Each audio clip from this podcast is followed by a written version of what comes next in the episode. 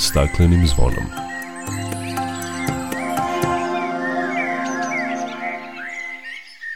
Dobar dan i dobrodošli na Zeleni talas prvog programa radija Radio Televizije Vojvodine. Ja sam Dragana Ratković. U ovonedeljnom izdanju emisije pod staklenim zvonom čućete šta Savez ekoloških organizacija Srbije traži od Ministarstva rudarstva i energetike i šta na to kažu u tom ministarstvu. U temi emisije govorit ćemo o ovogodišnjoj školi za zaštitu životne sredine koja je posvećena kvalitetu vode. Biće reči o upravljanju vodama i cirkularnoj ekonomiji, o zagađujućim materijama u gradskim otpadnim vodama kao što su mikroplastika i farmaceutski proizvodi, čije prisustvo izaziva zabrinutost.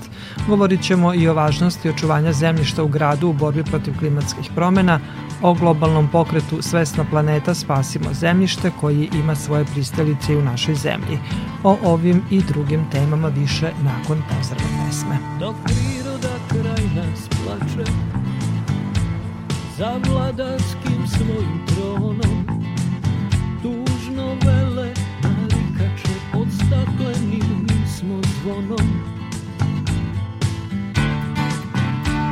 Znaj vazduha više nema Sve manje je i ozona Protiv sebe ide čovek i to često bez pardona uništenju živog sveta Kao da su ljudi skloni Čovek sam je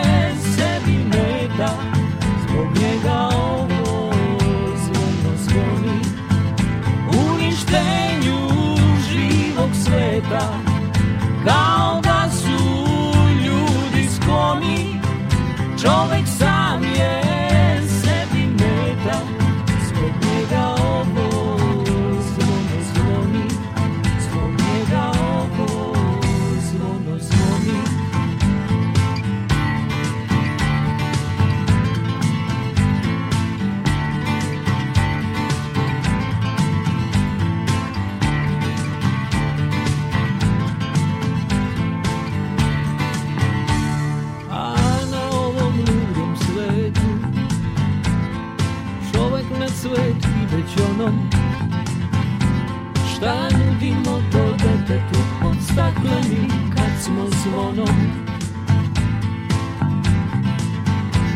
uništenju živog sveta. Kao da su ljudi skloni čovek sam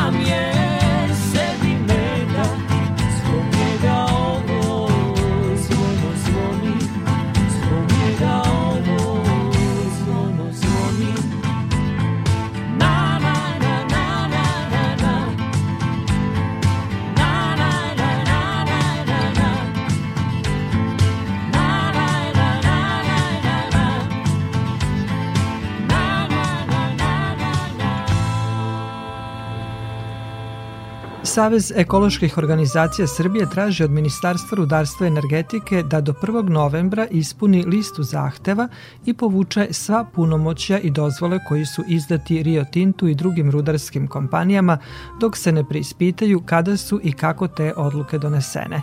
Tim povodom na konferenciji za medije održanoj ispred resornog ministarstva predstavnici naučne zajednice su ukazali na potencijalne opasnosti po životnu sredinu od daljeg širenja eksploatacije ruda.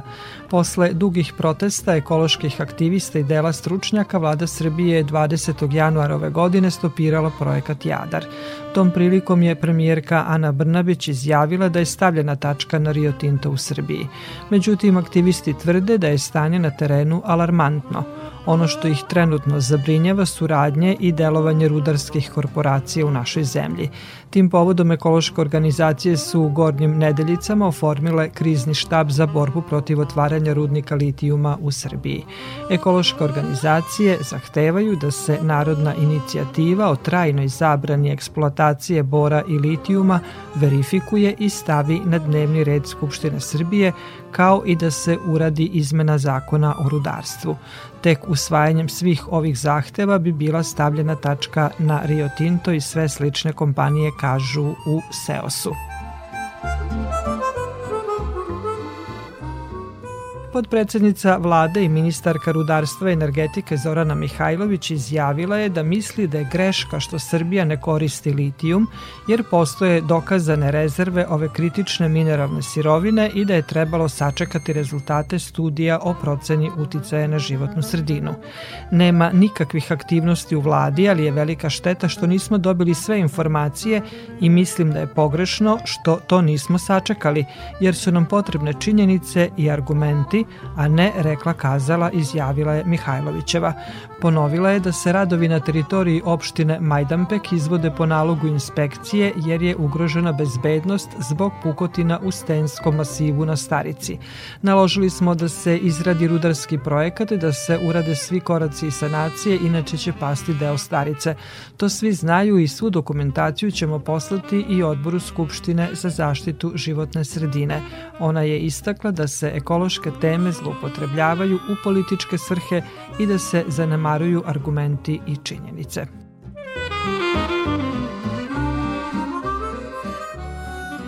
A nedavno je u Novom Sadu na danima električnih vozila bilo reči i o eksploataciji rude iz koje se dobija litijum i posledicama po životnu sredinu, ali kako je rečeno, to je moguće kontrolisati. Na koji način i kakva su iskustva u svetu. Čujmo šta je kolegi Đuri Vukaliću rekao Dejan Ilić, profesor na Univerzitetu u Gracu, koji je bio uvodničar na otvaranju skupa. Kada pričamo u Srbiji, o životnoj sredini i negativnom uticaju litijuma na životnu sredinu, ja mislim da mi pričamo samo o jednom malom elementu, a to je o takozvanoj jelovini pri preradi a, jadarida u obliku ovaj, hemijskih jedinjenja koje su moguće dalje preraditi i ekstrudirati za baterije ili za avioindustriju ili za druge primjene. Mi ne smemo da bežimo od činjenice da je litijum jedan element koji je se nalazi u periodnom, prvom periodnom sistemu i da je pored litijum, natrijuma i kalijuma su vrlo lagani elementi, a bez natrijuma i kalijuma, na primjer, nijedan naš organizam ne bi mogao da preživi. Znači, mi govorimo i kada govorimo o Srbiji, o životnoj sredini, mi isključivo mislimo samo jednom jedinom problemu, namerno potencijalnom problemu jalovine od iskopavanje litijuma i litijumskih legura. To se sasvim rešava tehnološkim operacijama i tehnologijom koja je danas postoji. Ja mogu da vam kažem, ja sam video više iskopina, na primjer, kadmijuma, koji je mnogo otrovniji, ili, ili olovo, ili olovnog oksida koji imamo u svakom automobilu. Olovne baterije danas pokreću sve naše automobile ili služe za pokretanje određenih operacija u normalnom automobilu i kada vidite to, kako su oni rešili probleme, zašto mi ne bi rešili probleme od jalovina? A drugo, litijum se proizvodi na milione tona godišnje u drugim krajevima sveta i oni su te probleme već rešili. Da li su neke rešili na ovakav ili onakav način, to je sasvim drugačije, ali ovaj, to je jedan problem koji će sigurno biti rešeni, za koje danas imamo ovaj, tehnološka rešenja, to je najvažnije. Hold on, little girl, show me what he's done to. Broken heart can't be that bad when it's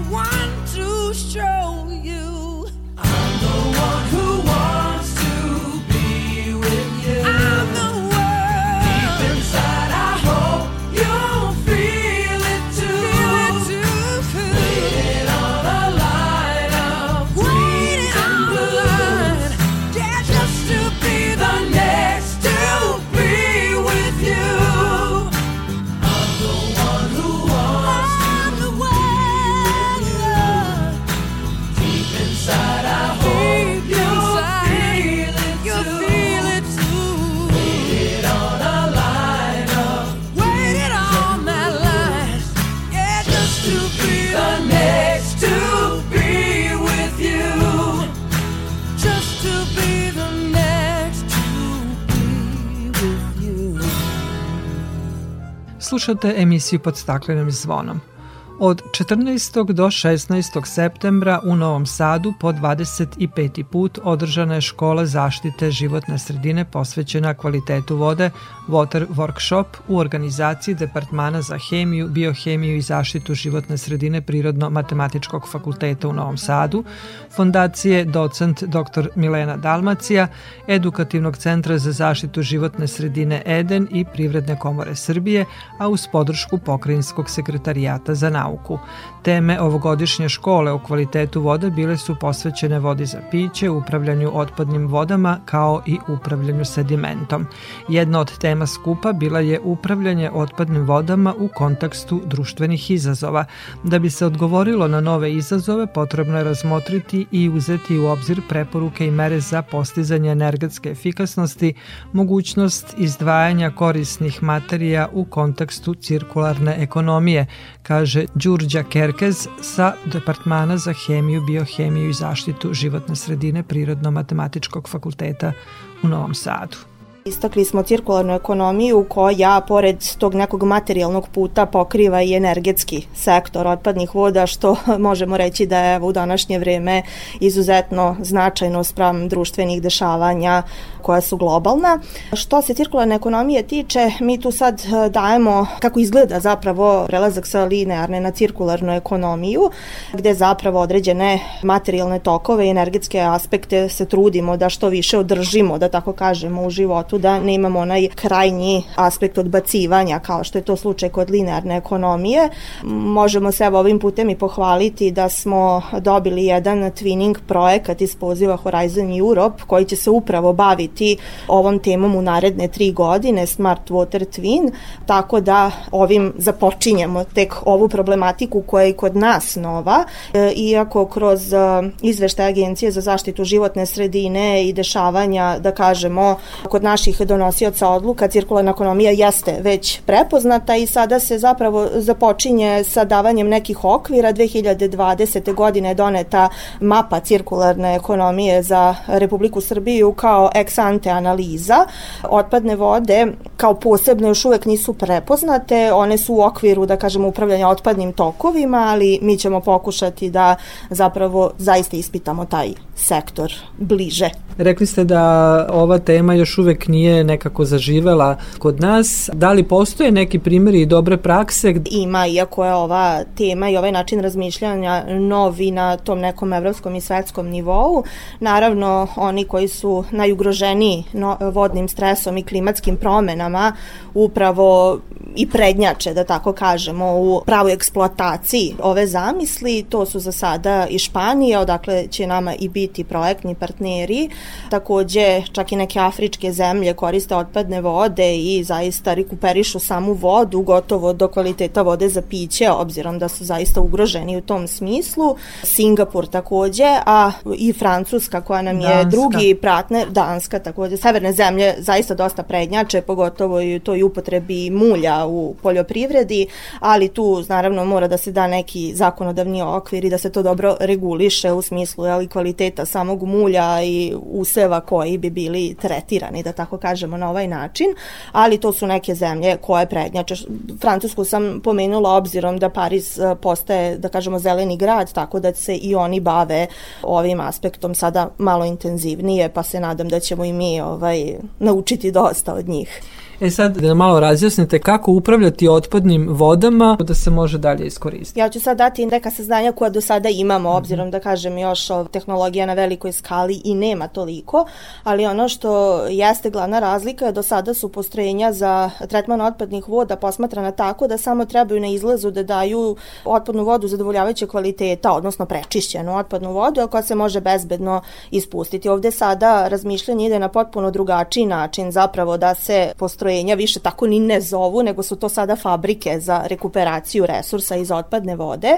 Glavne linije koje se tu prate je povraćaj vode, mulja i produkata koji se mogu dobiti iz mulja, odnosno i nutrijenata i ostalih materijalnih tokova gde zapravo možemo izdvajati i celulozu, bioplastiku, različite enzime, metale i zavisi zapravo i o kojoj otpadnoj vodi je reč. Ovde smo se više fokusirali na te gradske otpadne vode, industrijske nude još specifične bezgranične tokove za rekuperaciju. Prvo i osnovno je upravljanje otpadnim vodama se onda mora sagledati u celini i šire. Moramo na početku birati odgovarajuće tehnologije, recimo kojima bi tretirali otpadnu vodu. Do sada je recimo bilo ustanovljeno za uklanjanje azota i generalno biološki tretman, recimo nitrifikacija, denitrifikacija. To je nešto što je standardno. E sada na taj način gubimo azot, tako da sada se ide na neke hemijske metode strippinga i slično sada da ovaj ne ulazi možda da ne budemo nerazumni, ali u smislu da se sada svaki taj korisni tok rekuperiše. Znači to je nešto za početak odabir tehnologija. Kada bismo malo šire posmatrali, čak bi i na nivou stanovanja uveli neke promene od odvojeni tokovi za crne i sive vode, to je sad onako, da kažemo, ta infrastruktura je veliki poduhvat, ali bi dala najbolje rezultate dugoročno, da se recimo urea odvaja, e, da ne dođe do razblaživanja već na samom ulasku na postrojenje i tako dalje. To su za sad neki aspekti koji se sagledavaju, da tako kažem, šire u ovom kontekstu. Mi smo zemlja koja se nalazi negde na začelju kad je reč o preradi otpadnih voda. E, sad kako se mi uklapamo u tu celu priču i da li je to sve praćeno i, i zakonskom regulativom? Mi zakonsku regulativu imamo, odnosno pratili smo okvirne direktive o vodama, pa kasnije radili tu implementaciju evropskog zakonodavstva u naše, tako da smo najviše na tome i radili, ajde da tako kažem, na ovaj samom okviru, ali što se prakse tiče, možemo reći da imamo prosto reš rešeno pitanje ovaj, prečišćavanja otpadnih voda, zaista je procenat vrlo mali. Sada se kroz projekte različite na nacionalnom nivou radi na tome pre svega i na izgradi kanalizacione mreže, što jeste prvi korak, jel, sakupiti i distribuirati otpadnu vodu do mesta tretmana, a onda na izgradnji samih tretmana. Ono što sada može da izgleda kao prednost takve naše situacije jeste da upravo možemo da od početka, da tako kažem, integrišemo ovaj način razmišljanja u tretmanu otpadnih voda, obzirom jel, da imamo,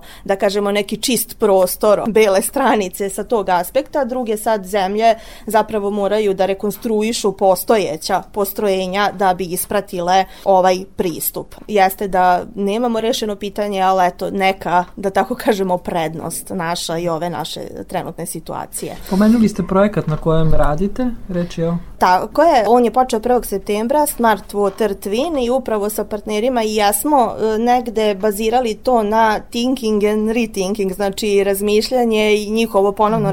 Razmišljanje da mi ćemo zapravo učiti iz njihovih iskustava do sadašnjih, ali oni polako prelaze zapravo na ovaj aspekt cirkularne ekonomije, tako da napravit ćemo neki metodološki okvir, da tako kažemo, kako bi se to moglo primeniti u našoj E, zemlji i da prosto i mi se upoznamo u potpunosti sa ovom temom da bismo eto razvili da kažemo neki nukleus za kasnije za i ovaj vid i edukacije, razmišljanja i prosto nadamo se i primene u praksi.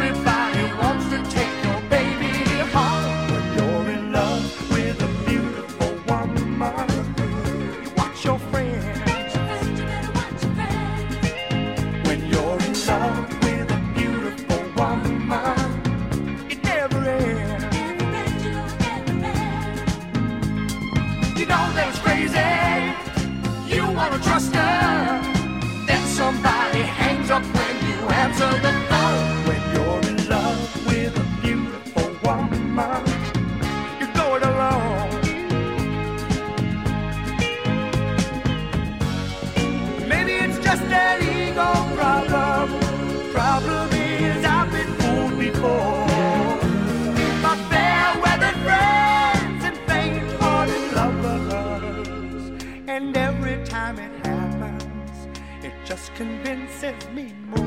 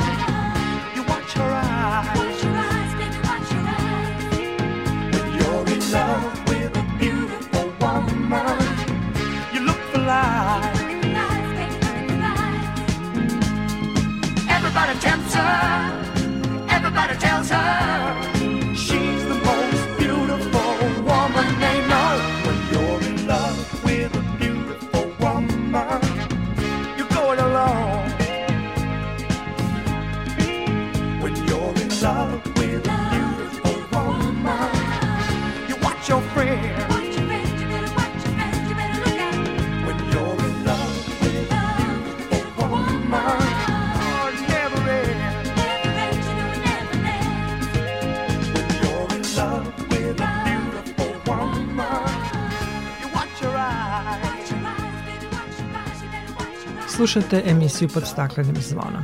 I dalje govorimo o kvalitetu voda.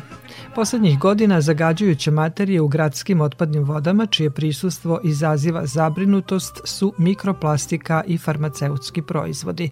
To je takođe bila tema na trodnevnom skupu u Novom Sadu koji je posvećen kvalitetu voda. Srbija je na samom dnu lestvice u pogledu tretmana otpadnih voda. Samo 20% opština ima postrojenja za prečišćavanje komunalnih otpadnih voda.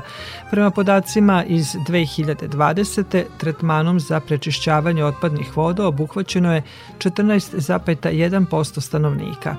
Tako nizak stepen prečišćavanja je posljedica malog broja postrojenja koja su u funkciji i obezbeđuju odgovarajući stepen prečišćavanja, a time i zadovoljavajući kvalitet prečišćenih otpadnih voda koje se ispuštaju u vodotokove.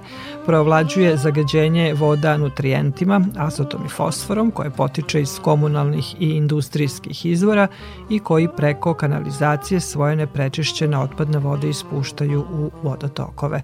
Među zagađujućim materijama u gradskim otpadnim vodama, čije prisustvo izaziva zabrinutost, je i mikroplastika.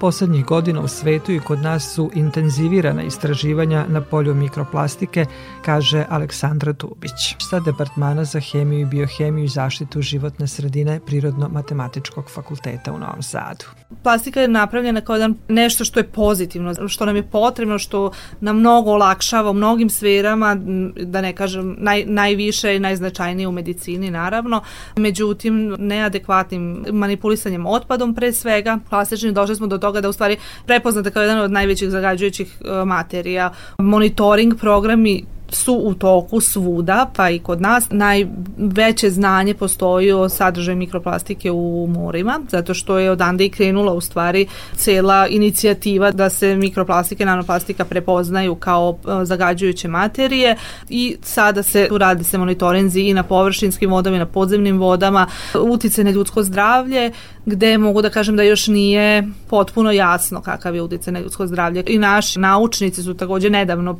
publikovali rad gde su takođe utvrdili prisustvo mikroplastike u određenim organima u ljudskom organizmu, ali ono što nije jasno jeste konkretan efekat. Pretpostavlja se da ima znači, efekat na endokrini sistem, ali nije ništa potvrđeno. Kod životinja je drugačije.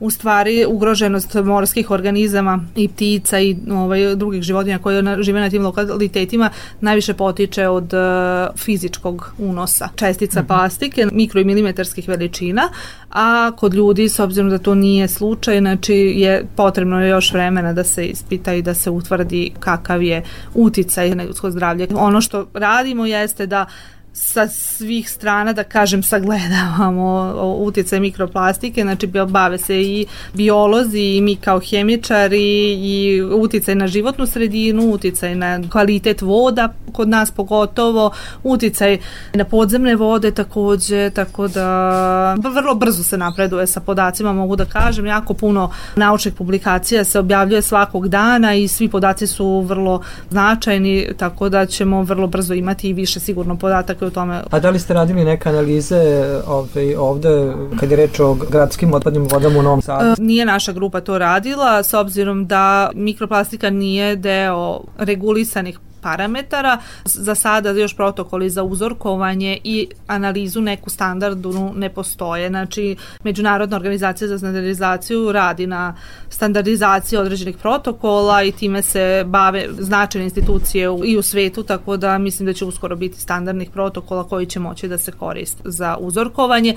Dosta je veliki problem što je i vrsta polimera koja se može uzorkovati veoma različita i veoma raširena, a takođe i veličina. Tako da svi podaci koji se mogu naći do sada ukazuju na to da na postrojenjima za tretman otpadnih voda se mikroplastika zadržava u nekim procesima, dok opet neki procesi su manje efikasni, neki više efikasni. Definitivno dospeva u životnu sredinu, mnogo više nanoplastika nego mikroplastika, ali kažem standardni načini uzorkovanja analize ne omogućavaju da se to rutinski radi.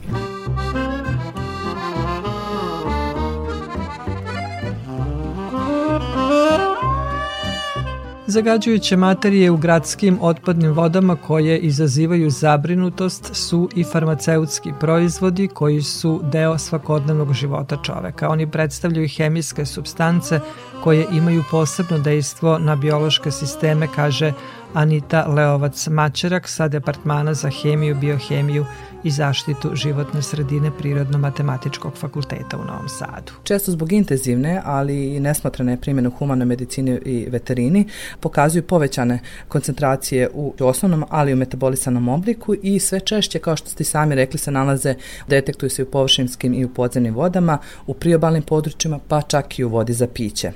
Svakako, glavni putevi njihovog dospevanja u tim vodnim telima jeste ispuštanje komunalnih otpadnih voda, gde su sadržani uglavnom humane ekskreti, ali i neadekvatno skladištenje i znači uništavanje lekova kojima istekao rok upotrebe.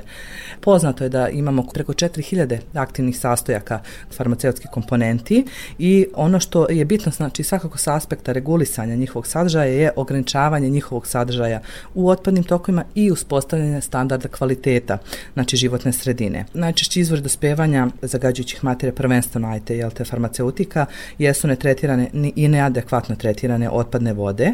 Zavisi od toga da li se koriste i humane ili veterinarske svrhe. Zašto? Jer tu koriste velika količina antibiotika za lečenje životinja koje putem ekskreta predstavlja direktnu opasnost za vodna tela. Takođe, direktno izlučivanje putem tih ekskreta znači da će ti antibiotici preko zemljišta dospeti i u podzemne vode, a posebno opasnost predstavljaju svakako i bolnice jer one nemaju svoje prečistače otpadnih voda i one direktno ispuštaju te njihove ovaj otpadne vode koje sadrže farmaceutike direktno u kanalizacione sisteme, a samim tim i direktno u reku. Takođe, jedan od generalnih problema koji je aktualan i kod nas, a i u svetu, jeste takozvana pojava antimikrobne rezistencije. To znači da imamo mikroorganizme koji su otporni na lekove, prvenstveno na antimikrobne lekove. To znači da mikroorganizmi u svom postupku e, evoluiranja opiru se efektu tog antimikrobnog leka i na taj način se razmnožavaju i postaju rezistentni na dejstvo tog leka. To je u suštini jednostavan proces prirodne selekcije i genskih mutacija, tako da oni organizmi koji su e, slabi mikroorganizmi, oni će se inhibirati, oni će umreti, odnosno e, dejstvo leka će postojati, dok mikroorganizmi koji su jači, oni će u suštini se odupirati njegovom dejstvu, rasti i razmnožavati se, tako da u tom smislu imamo pojavu te antimikrobne rezistencije. Takođe, maksimalno dozvoljene koncentracije za ispuštanje lekova u vode još uvek nisu zakonski regulisane i razlog upravo za te neformirane regulative predstavlja odsustvo dobrog izbora i odluke koje substance bi trebale biti regulisane i do kog nivoa. Takođe, Svetska zdravstvena organizacija smatra da farmaceutici koji se pronalaze u vodama, upravo zbog dodatnog razloženja, one se nalaze pri niskim koncentracijama koje smatraju da nisu opasne po zdravlje čoveka i potrebno je u tom smislu da se prikupi dovoljan broj podataka o dugotrajnom, odnosno dugoročnom izlaganju e, njihovom dejstvu. Takođe, pored njihovog pojedinačnog dejstva postoji takozvani i simultani efekti, odnosno to zajedničko dejstvo različitih antibiotika koji su prisutni u životnoj sredini, prvenstveno u vodama. Poznato je takođe da u direktivi o vodama postoji tačno definisana lista prioritetnih substanci, odnosno polutanata sa određenim standardima kvaliteta i ona se, ajde kažem, svakih par godina inovira se sa dodatnim takozvanim listama za praćenje na koje se nalaze potencijalni kandidati za proširenje te prioritetne liste. Prvo proširenje je bilo 2013. sada 2018. godine, tako da u suštini na taj način Evropska komisija pokušava da sprovede detaljan pregled prikupljenih podataka o potencijalnim zagađujućim polutantima, među kojima spadaju i farmaceutici. Pomenuli ste zakonsku regulativu, imamo yes. upravljanje farmaceutskim otpadom, ali e, moram priznati da recimo mnogi građani koji bi hteli da odlože svoje lekove kojima je istekao rok upotrebe ili ih više ne koriste, prosto nemaju gde to da urade, možda samo jedna apoteka u gradu, u Novom Sadu to radi i mnogi ne znaju za to. Koje bi to bile preventivne mere i šta preduzeti da bi se smanjilo zagađenje, pošto su to materije koje izazivaju zabrinutost e, kada govorimo o otpadnim vodama? Kao što ste rekli, i samo stanovništvo u suštini mora preuzeti određenu odgovornost na nivou pojedinca u doprinosu takozvano, ajde kažem, cirkularnoj ekonomiji. Zašto? Zato što taj lek kojem je istekao rok važenja, on apsolutno ne mora da znači da je njegovo dejstvo prekinuto, već jednostavno se mora podvrgnuti određenim procesima ekstrakcije i prečišćavanja kako bi se njegova komponenta, odnosno taj aktivni sastojak, ponovo imao, da tako kažemo, to dejstvo. To je jedan od načina gde može da se u suštini prevenira zagađenje, odnosno ajde da kažemo da treba porati na radnjama koje obuhvataju i čišćenje i sanaciju tog zagađenja kako bi se, na primjer, unapredila ponovna upotreba tog leka uz očuvanje zdravlja stanovništva. I od velikog interesa jeste svakako razvoj novih strategija, odnosno takozvane održive i zelene farmacije, kako bi se moglo u suštini na adekvatan način iskoristiti te tablete i kapsule kojima iste kao rok trajanja. Da li ste vi možda radili neko istraživanje? Trenutno nemamo mogućnosti uh, analitičkih ovaj, kako bi izvršili detekciju selekciju određenih jelte, farmaceutika. Međutim, radili smo takozvani screening, odnosno da vidimo šta imamo, koje vrste su prisutne znači u Dunavskoj vodi. U Dunavu su detektovane različite vrste antibiotika, antivirusnih lekova, pogotovo znači ne samo u, ajde da kažem, Dunavu, već znači i u rekama širom Evrope, pogotovo usled pandemije COVID-19 su detektovane i relativno niske koncentracije i drugih antivirusnih lekova, zatim zatim lekova protiv anksioznosti, lekova protiv dijabetesa i tako dalje.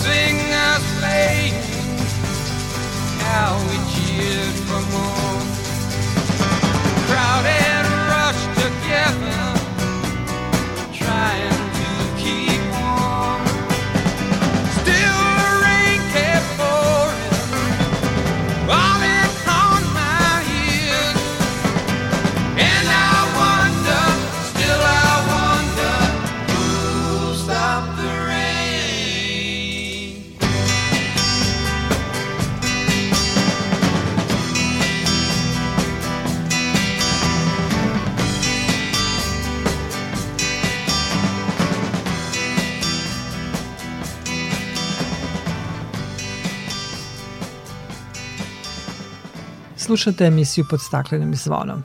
Osim vode, jedan od najvažnijih prirodnih resursa o čijem značaju malo znamo je zemljište. Zemljište je važan, neobnovljiv prirodni resurs od kojeg zavisi proizvodnja celokupne hrane za čovečanstvo a veoma je važno i zemljište u gradovima pod vegetacijom koje može značajno da nas raskladi i poboljša ranjivost gradova na ekstremne padavine. Nedavno je pokret Gorana Novog Sada organizovao edukativni seminar nazvan Očuvanje zemljišta u gradu i klimatske promene kako bi građani bili informisani o ulozi i značaju zemljišta u životnoj sredini, prirodnim karakteristikama i kvalitetu zemljišta u Novom Sadu i doprinosu zemljišta u borbi borbi sa klimatskim promenama. Predavanje je održala Jordana Ninkov, naučna savjetnica u oblasti zaštite životne sredine koje se bavi zemljištem. Prema njenim rečima, očuvanje zemljišta zbog njegovog značaja je već nekoliko godina u fokusu svetske javnosti.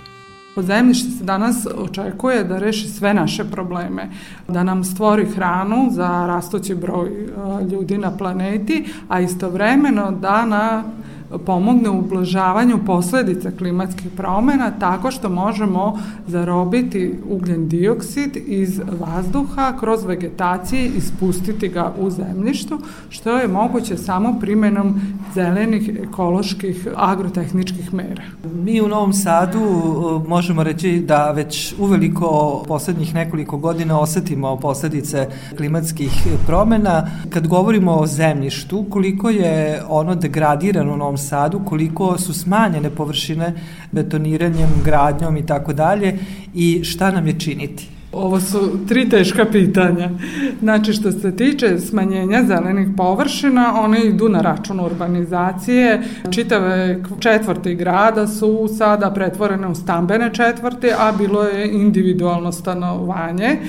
To nam otvara pretnju sa dve strane Prvo, što takvo betonirano zemljište emituje mnogo veće temperature, postaju toplotna ostrava u slučaju tropskih dana i noći, a sa druge strane što to betonirano zemljište ne može da upije višak padavina. Mi smo svedoci sve češćih neravnomerno raspoređenih padavina, odnosno za jedno jako kratko vreme da padne velika količina kiše, to može upiti samo otvoreno zemljište pod vegetacijom kanalizacijom, ne postoji kanalizacija koja može da se projektuje, ma kako bila predimenzionirana za takve slučajeve.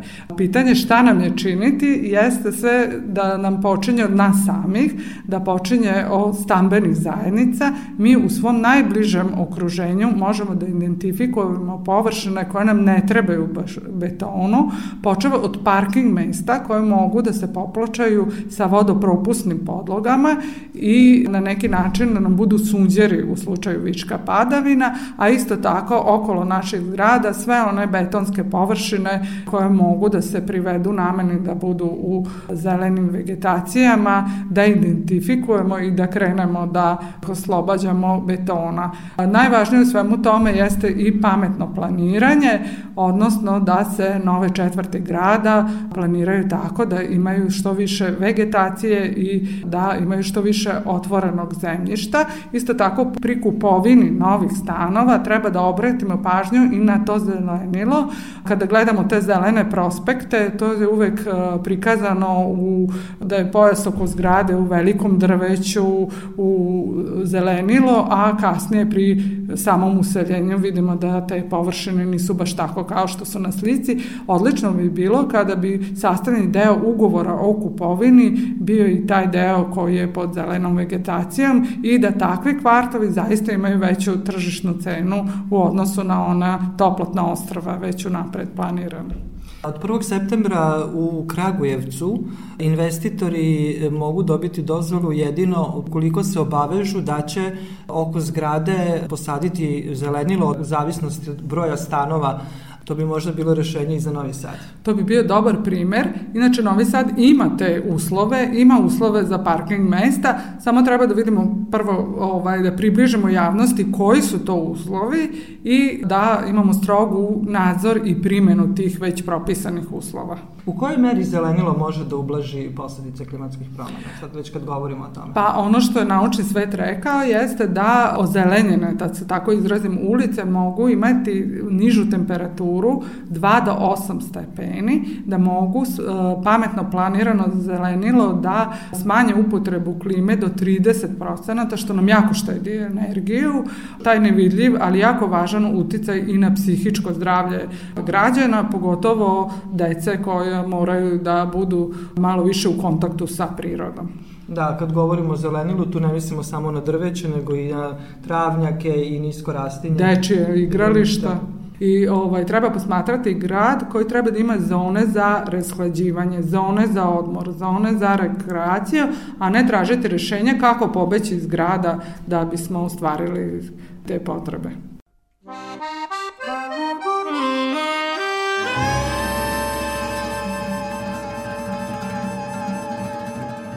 Ukazujući na značaj zemljišta i sve veću degradaciju zemljišta, raste globalni pokret Svesna planeta Spasimo zemljište. Možemo reći da i mi pratimo trendove, pa u našoj zemlji postoje volonteri ovog pokreta. Volonterka Milisava Petković kaže da je glavni cilj pokreta da se na globalnom nivou poveća sadržaj organske materije u zemljištu na barem 3% i da to uđe u zakonsku regulativu i da se naprave strategije kako bi se to što pre postiglo. Pokret je međunarodni, podržale su ga različite agencije Ujedinjenih nacija, specijalizovane za hranu, za poljoprivredu, za zaštitu životne sredine. Podržale su ga do sada 47 zemalja, od toga neki su potpisale memorandum o razumevanju sa pokretom, što znači da se na neki način priklanja, odnosno prepoznaju problem i obavezuju da će to uneti u svoje zakone. Očuvanje zemljišta i povećanje organskog sadržaja. Pokret ima 11 miliona volontera u svetu i ima iza sebe nekoliko velikih ekoloških projekata, mahom do sada u Indiji, ovo je prvi veliki globalni, čak je ušao u Guinnessovu knjigu rekorda po recimo sadnji drveća ili uvođenju agrošumarstva u maloj poljoprivredi u Indiji. A koje aktivnosti volonteri u našoj zemlji imaju ili na koji način ste se vi pridružili ovom pokretu? Pa mi smo prvo počeli samo da prevodimo, odnosno da pratimo tu kampanju koja se dešavala 100 dana od kraja marta do juna. Ta kampanja podizanja svesti u Evropi i na Bliskom istoku, tako sve do Indije. Mi smo prevodili sve to što se dešavalo, sav taj e, informativni, edukativni materijal. Imamo društvene mreže, pokušavamo da dođemo do što većeg, zaista do što raznovrsnije publike, od dece do ono, studenta i odraslih da uključimo što veći broj aktera, organizacije, kompanije, stručnu javnost i uticajne osobe, čija reč odzvanja u, u javnosti, glumce, sportiste, ono što sada radimo da se informišemo i mi sami, ali i da informišemo javnost o situaciji sa zemljištem u Srbiji i to je to da sarađujemo sa svima, pokret je, to je vrlo važno da kažem, inkluzivan, pošto ovo je nešto što se stvarno tiče svih nas ovde, ne bi trebalo da bude nikakvih podela, svim akterima je u interesu da zemljište bude bogato, tako da je on, saradnja sa svim instancama u stvari cilj. La, la, la, la, la, la, la. La la la la la la la la la la la la la la la la la la la la This very body is soil. My body, your body, everybody is just soil body.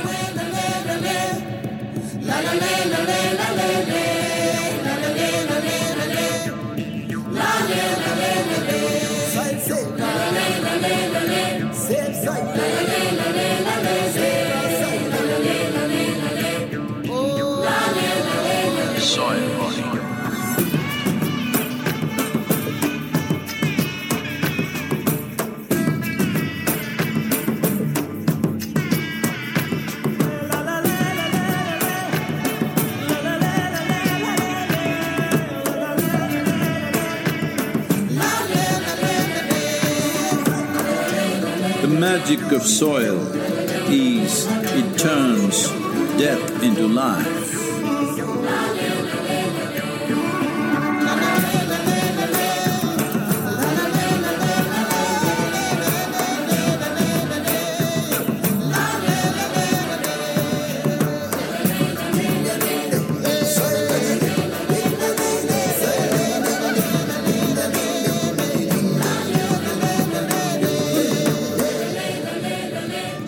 Depleted soils will not quench the fire of hunger. Unquenched hunger can burn the very world. This is a generational responsibility. Save soil. Let's make it happen.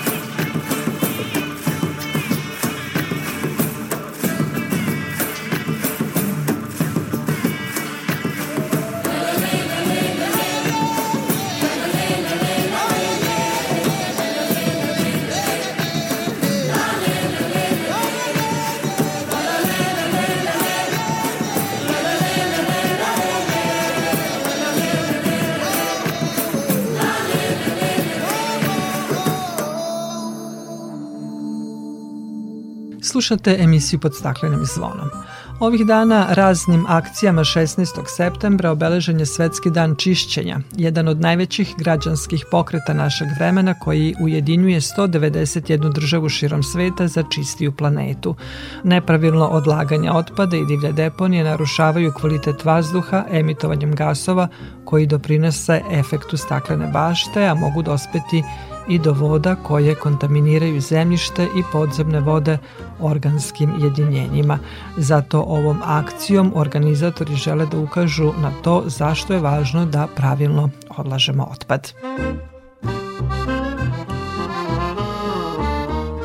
A u toku je i Evropska nedelja mobilnosti, vodeća kampanja Evropske komisije za podizanje svesti o održivoj urbanoj mobilnosti. Promoviše promenu ponašanja u korist aktivne mobilnosti, javnog prevoza i drugih čistih, inteligentnih prevoznih rešenja. Glavni događaj održavaju se od 16. do 22. septembra svake godine, a nedelja mobilnosti se završava popularnim danom bez automobila. Ove godine opštine i gradovi se podstiču da organizuju aktivnosti pod temom Bolja povezanost koja podstiče sinergiju između ljudi, mesta i paketa, kao što je ekološka dostava paketa, politika i planiranje, objasnio je menadžer kampanje Juan Caballero. Slogan kampanje je Kombinuj i kreći se. Ove godine u kampanji učestvuje 2071 grad i opština iz 41 zemlje. Kampanja Evropska nedelja mobilnosti organizuje se u 35 gradova i opština Zapadnog Balkana, a uključuje javne institucije, nevladine organizacije, akademsku zajednicu i građane. Sve aktivnosti promovišu javni prevoz, biciklizam, pešačenje i druge oblike održive mobilnosti. U Novom Sadu Nedelja mobilnosti počela je zajedničkom akcijom Beograda i Novog Sada. Naš grad je ugostio učenike Beogradske osnovne škole Mihajlo Petrović Alas, a deca su imala predavanja o alternativnim vidovima saobraćaja koji ne zagađivaju životnu sredinu. Više o tome Milan Rakić. Jedan od alternativnih vidova saobraćaja je i voz kojim su deca stigla od Beograda do Novog Sada za pola sata – Učenici osnovne škole Mihajla Petrović Alas iz Beograda kažu da se raduju što će bolje upoznati Novi Sad, a kako dodaju, drago im je što će moći da se upoznaju sa prevoznim sredstvima koja ne zagađuju prirodu. I da se lepo provedem i da vidim nešto novo. Pa tom poligonu za bicikle, ja mnogo volim da vozim bicikl i to smatram jednim štedljivim načinom koji ne zagađa prirodu i volim ovako rekreativno da ga vozim. Član gradskog veća za saobraćaj i puteve Aleksandar Kravić je rekao da Novi Sad svake godine sprovodi više akcija povodom Evropske nedelje mobilnosti i istakao da je veoma bitno promovisati alternativne vidove prevoza koji ne zagađuju prirodu. Imaćemo sledeće nedelje promociju biciklističkih saobraćaja, pešačenje. Možda najbolja stvar koju smo uspeli, koja je najvidljivija, je to da smo mi povećali dužinu, apsolutnu dužinu kilometraže biciklističkih staza u Novom Sadu, koja je preko 100 km, što ni jedan grad u Srbiji nema ni izbliza naspram veličine, ni približno. U prethodne dve godine grad Novi Sad dodelio je 38 miliona dinara. Zahvaljujući tome, oko 3,5 hiljade građana je na konkursu dobilo nove bicikle. Kako bi se biciklizam promovisao najmlađima, grad je prošle i ove godine uz pomoć društveno odgovornih kompanija dodelio bicikle đacima generacije svih profesorskih škola, a ta aktivnost će biti nastavljena i u narednim godinama. Prema rečima Klare Danilović, nacionalne koordinatorke za Srbiju i predstavnice stalne konferencije gradova i opština, u našoj zemlji se raznim aktivnostima obeležava Evropska nedelja mobilnosti. Očekuje se veliki odziv za akciju Dan bez automobila u gradovima i opštinama, koju stalna konferencija gradova i opština organizuje već šesti put za redom 22. septembra na Svetski dan bez automobila. Dolaskom na posao, pešice, biciklom i javnim prevozom, čelni ljudi gradova i opština tog dana šalju poruku i ličnim primerom daju doprinos zajedničkoj borbi za lepše i čistije okruženje, zdravije i zelenije gradove sa što manje automobila, a sa što više pešačkih i biciklističkih staza, parkova i uređenih javnih površina, kaže Klara Danilović. A kada već govorimo o mobilnosti, udruženje Jugo Cikling kampanja prave zelene biciklističke staze na trasama starih železničkih pruga, a cilj udruženja je da se formira njihova mreža na prostoru bivše Jugoslavije i tako biciklističkim putem spoji trasa Zapadnog Balkana. Prvi korak ka ovom cilju je definisanje deonica koje mogu da se pretvore u staze za ekološki opravdana sredstva kretanja, da se zaštiti životna sredina i njene istorijske vrednosti, a posebno da se očuvaju i stave u novu funkciju napuštene železničke stanice i železnička infrastruktura, kao i vredniji artefakti arhitektonskog i industrijskog nasleđa. I još jedna informacija za kraj. Ovog vikenda mreža Pošumimo Vojvodinu u Ekološkom centru Radulovački u Sremskim Karlovcima u okviru projekta Šuma zove na dijalog 2 organizuje seminar o značaju šuma i ekosistemskih usluga o trenutnom stanju šuma i primerima dobrog upravljanja šumama za nastavnike i učitelje iz Novog Sada, Vrbasa i Sremske Mitrovice. O ovim temama govorit ćemo u nekoj od naših narednih emisija.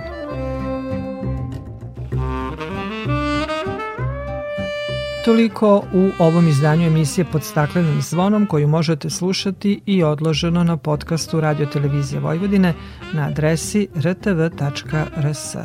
Na pažnje vam zahvaljuju Violeta Marković, Zoran Gajinov i Dragana Ratković.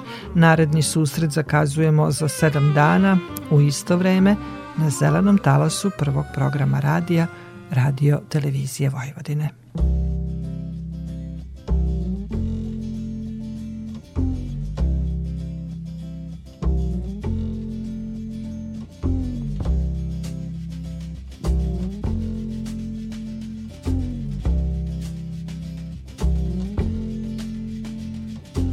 Holly came from Miami, FLA. Hitchhiked away across USA. Plucked her eyebrows on the way, shaved her legs, and then he was a she. She says, Hey, babe, take a walk on the wild side. Said, Hey, honey, take a walk on the wild side.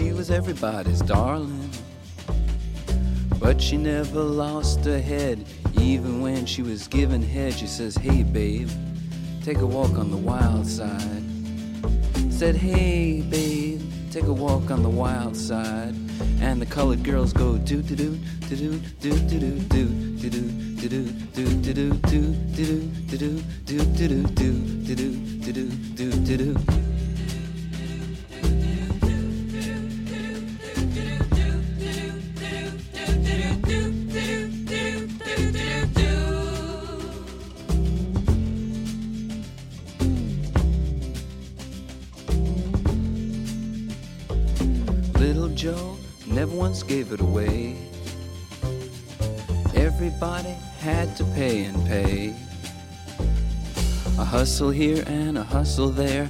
New York City is the place where they said, Hey, babe, take a walk on the wild side. I said, Hey, Joe, take a walk on the wild side.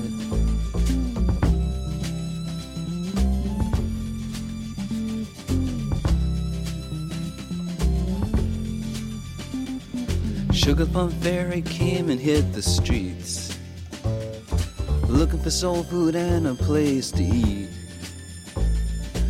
Went to the Apollo, you should have seen him go, go, go. They said, Hey, sugar, take a walk on the wild side.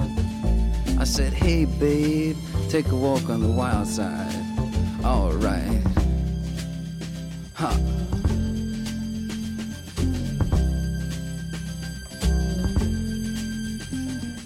Jackie is just speeding away. Thought she was James Dean for a day.